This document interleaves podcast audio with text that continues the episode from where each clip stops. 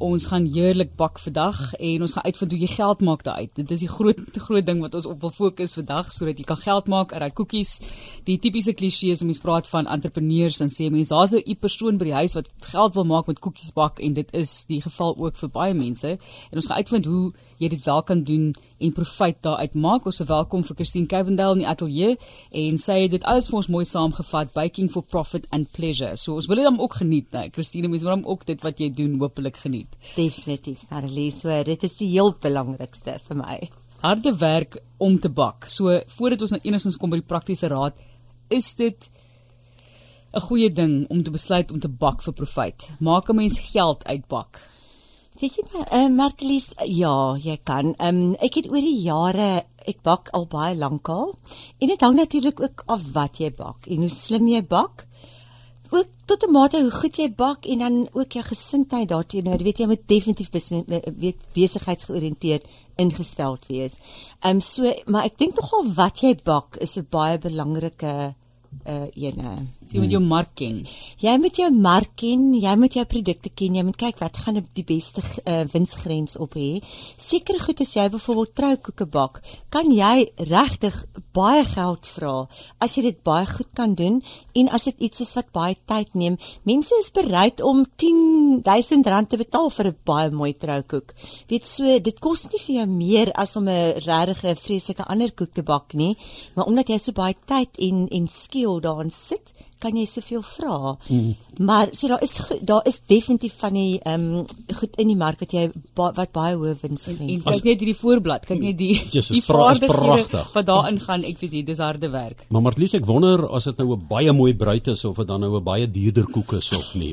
maar jou bruid vir jou behoort baie mooi te wees. 10000 rand plus. Rarig. Ja, nee, ek wil, moet jy moet jy huishoudkunde gehad het op skool of 'n bruikerstudies om so iets te kan doen. Nee, glad nie. Ek dis wel my agtergrond grond. Ek het BSc huishoudkunde en dieetkunde gestudeer, maar um, glad nie. Jy kry deesdae veral nou, weet die laaste paar jaar, is daar regtig mense wat nooit gedink het hulle gaan bak vir 'n lewe nie, wat dit ewe skielik moet doen. Dit word noodgedwonge.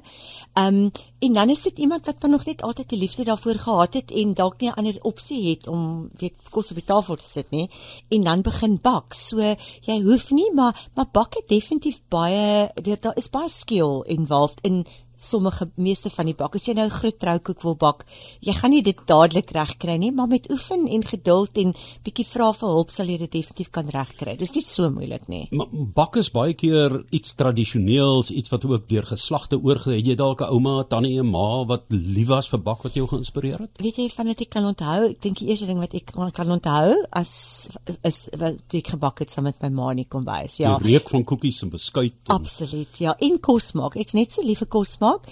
Um, maar in hierdie geval voel ek die bak op hierdie stadium is van baie mense het begin bak in COVID. Dit het baie modieus geraak om te bak. So op hierdie stadium is dit nou my my nommer 1 liefde.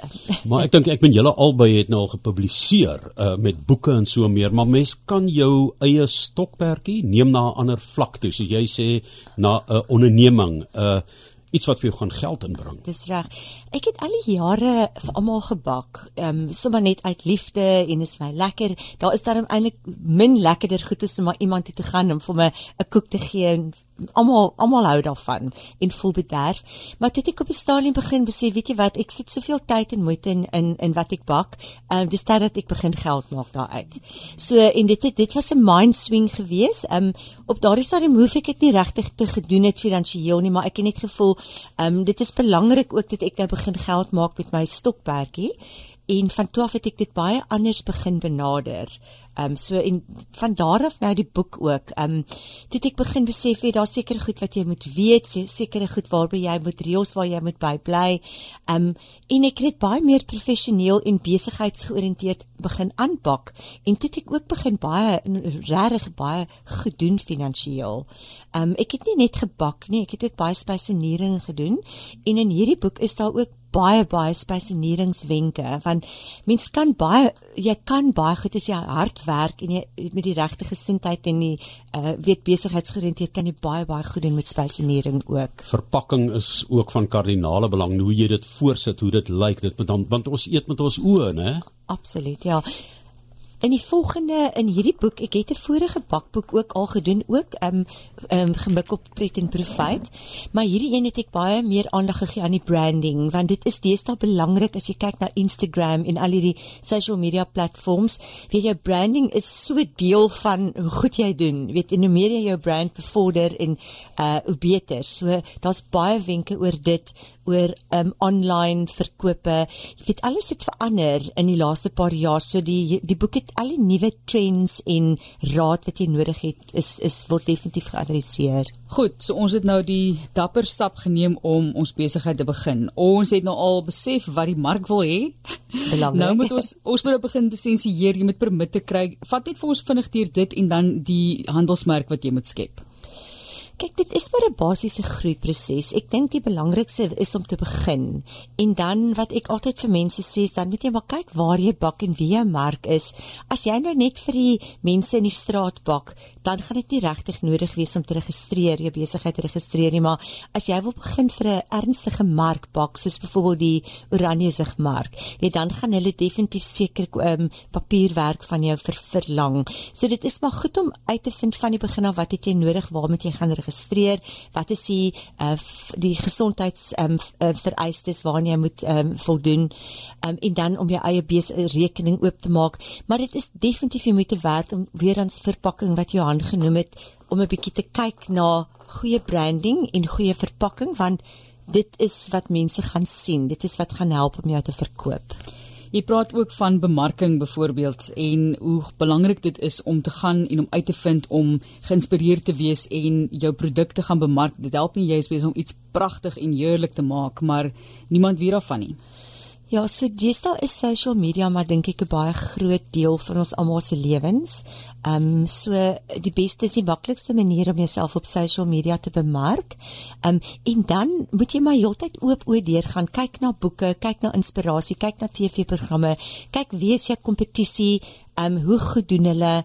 So jy moet heeltyd, dit is regtig, dit is 'n dinamiese soos enige besigheid, moet jy dit ook so approach. Ja. Dat jy kan nie net agteroor gaan sit en dink alles gaan gebeur nie. Jy moet heeltyd groei.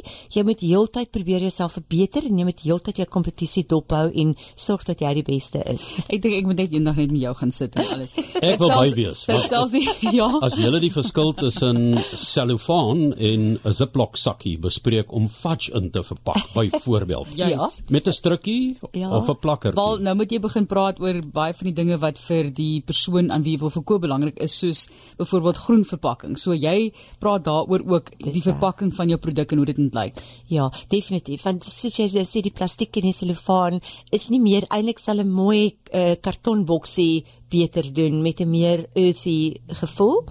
Ehm um, dis wat baie mense kyk daarna. Ek weet ek dink is be ongelooflik belangrik dat ons almal daarna kyk. Ja, so jy moet regtig jy moet jy moet in diepte gaan kyk na ehm um, want as jy eers jou branding het, is dit baie moeilik om dit te verander.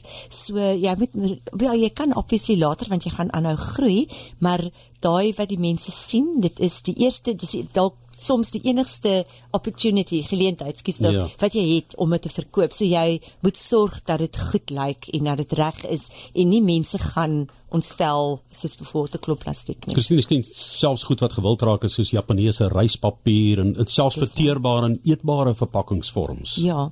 Net met bakke is dit baie keer 'n bietjie meer van 'n uh moeiliker want uh, dit is redelik groot beteken as jy 'n groot koek soos 'n troukoek moet rondvervoer. Dit is dit is regtig waar baie groot challenge. Maar baie keer moet jou produk jou rak lewe speel 'n rol.